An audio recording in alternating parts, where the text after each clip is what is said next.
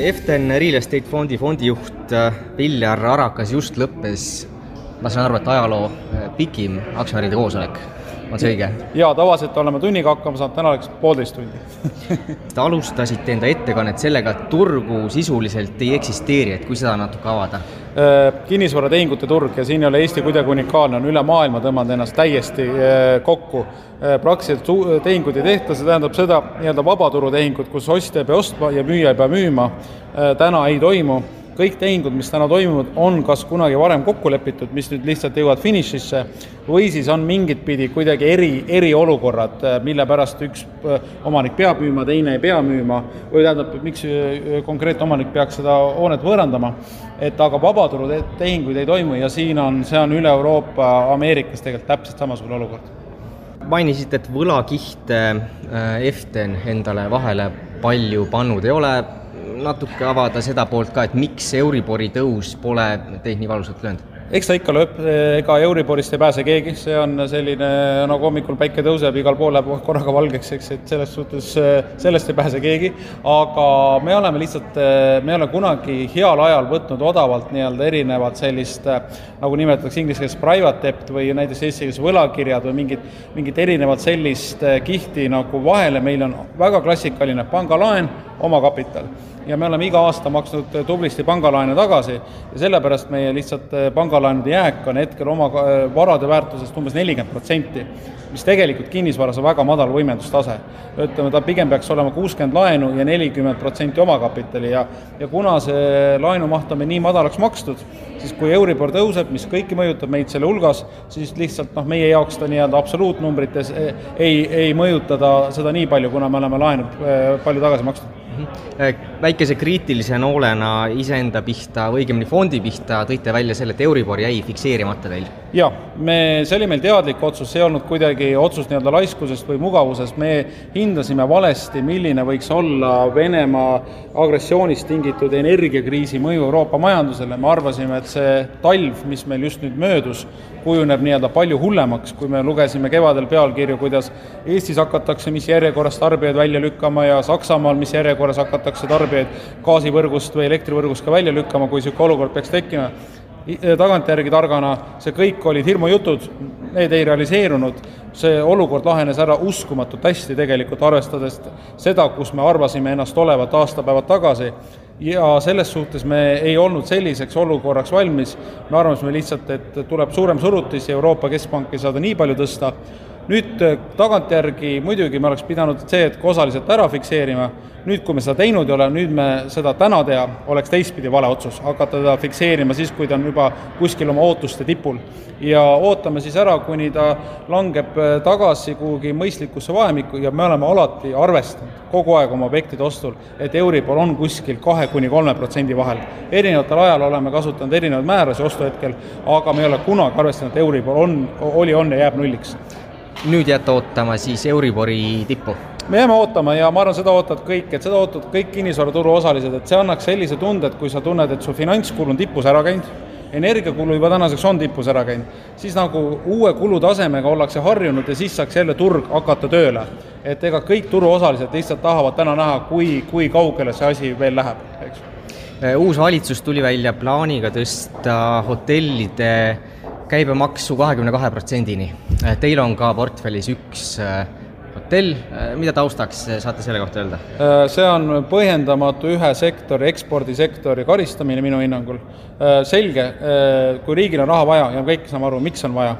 kaitsekulud, kõik, kõik sellega kaasa on täiesti mõistetav, siis kui tõstetakse kaks protsenti käibemaksu, siis hotellidel peaks ka tõstma kaks protsenti käibemaksu, ehk siis üheksalt üheteistkümnele kogu meie regioon, Eesti, Lätid, Leedud, Soomed, Rootsid, Norrad, kõigil on hotellidele eri, käibemaksu erisus, sest kui näiteks ka inimene või ettevõte ekspordib, siis ta ei maksa käibemaksu, eks. nüüd me tahame lihtsalt eksportivalt sektorilt saada lisakäibemaksu. see ei ole õige ja nagu president Karis vaba, Vabariigi Valitsust ametisse nimetades ütles, et sellistele otsustele tuleb teha mõjuanalüüs ja me hotellisektori poole pealt tahame seda mõjuanalüüsi väga näha ja vaadata siis sellele olukorrale uuesti otsa kes kodulaenu soovivad Eestis seda saavad, konkurents on olemas, mõistan, et kinnisvaraturul nii lihtne ei ole? Ja mida suuremaks see laenumaht läheb, mida on vaja võtta, seda väiksemaks see konkurents tõmbub, et äh, kodulaenuturul on kõik pangad väga aktiivsed äh, ja kodulaenu klient on igale pangale unistuste klient, et kes kodulaenu võtab, tõenäoliselt arveldab seal, kasutab teisi pangatooteid äh, ja see on ka, ütleme, panga laenuportfellist kõige sellisem rahulikum ja kõige paremini alati stabiilselt toimiv osa. Nüüd mida suuremaks su laenumaht läheb, seda väiksemaks konkurents tõmbub. Balti pangandusturul täna on niisugune oligopoolne olukord, kus on mitmed suured tegijad, aga selgelt täiuslikust konkurentsist nii-öelda majandusteooria mõistes oleme me kaugel. Ja ega siia uusi tulijad siia turule ei ole juurde tulemas, kuna lihtsalt turg on väike ja teistpidi kõik need suured pangad, kes tegutsevad kuskil mujal riikides, nende koduturul on samasugune keeruline olukord, et täna ükski, ükski nii-öelda pank ei ole oma operatsioone laiendamas ütlesite ka, et Covidi ajal olite äkki liiga pessimistlik, äh, äkki olete liiga pessimistlik ka praegu, et mis pilguga te edasi vaatate? Äh, ma loodangi, et me oleme pessimistlikud, sest tegelikult äh, nagu me seda just näidet kasutasime siin hiljuti, et, et, et kui sa sõidad taksoga, et millist, kui mõelda, et fondijuht on taksojuht, et noh, millist taksojuhti sa tahad, et kas seda, kes igasse kurvi läheb nagu Ott Tänak, on ju, või sellist, kes sõidab nagu rahulikumalt, küll jõuab võib-olla kaks minutit hiljem kohale, aga jõuab kohale, eks. et selles suhtes, kui me investeerime teiste inimeste kapitali, olgu see pensionifondid või, või eraisikud, me peamegi olema konservatiivsed. ja selles suhtes, kui turg meid positiivselt üllatab, on see väga tore, aga samas, kui turg meid üllatab negatiivselt, siis me oleme kogu aeg selleks val-, olnud valmis, et me kindlasti jätkame seda Efteni Eftenil viisteist aastat tagasi, kui me Efteni asutasime, see oli meie prioriteet või printsiip päevast üks, see, mida on viinud oma äriharu suurimaks tegijaks Baltikumis ja seda, seda teed me jätkame. mida ütleksite aktsionäridele, kes täna siia jõudnud, millise tulevikuvaatega nüüd äh, järgmiste sammudega edasi lähete? soovitan tulevikus tulla, me, samas ma olen väga tänulik, meil on alati aktsionäride koosolekul circa sada viiskümmend, kakssada inimest, et see on alati väga tore, et meil nii palju inimesi kohale tuleb. Äh, meie nii-öelda plaanitav dividendivoog, mida me iga kuu avaldame börsile läbi oma kuuraporti, justkui nagu väheneb. aga samas, nagu ma täna ütlesin, me plaanime ikkagi oma laenujääke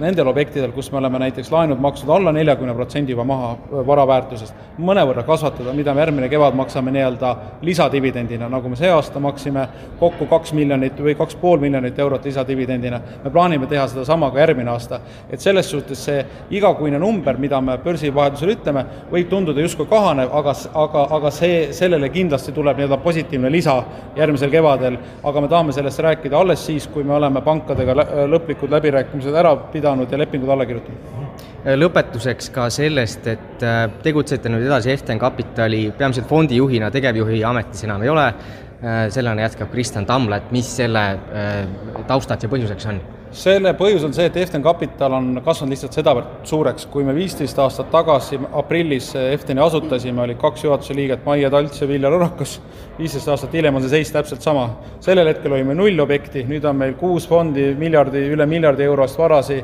ja operatsioonid Lätis-Leedus on täna juba suuremad kui Eestis et selles suhtes äh, see on lihtsalt loomulik käik, et ma saaksin keskenduda ainult sellele tööle, milleks investorid meile see raha investeerivad, et fondide juhtimisele. Äh, me oleme regulatiivses keskkonnas, me oleme Finantsinspektsiooni järelevalve all olev äh, fondivalitseja, meil on ka väga palju nii-öelda administratiivset, regulatiivset tööd, mida me peame tegema ja mul on väga meel, et Kristjan on meie meeskonnas, et me saame seda tulevikus, seda jagada, et ma kindlasti ei plaani kuhugi pensionile minna, aga lihtsalt pigem muuta oma tegevust ainult kinnisvarainvesteeringute keskkonnaks, keskseks, et äh, mitte tegeleda äh, muu tööga, mis on ka väga, väga vajalik ja vältimatu. Viljar Arakas, aitäh! aitäh!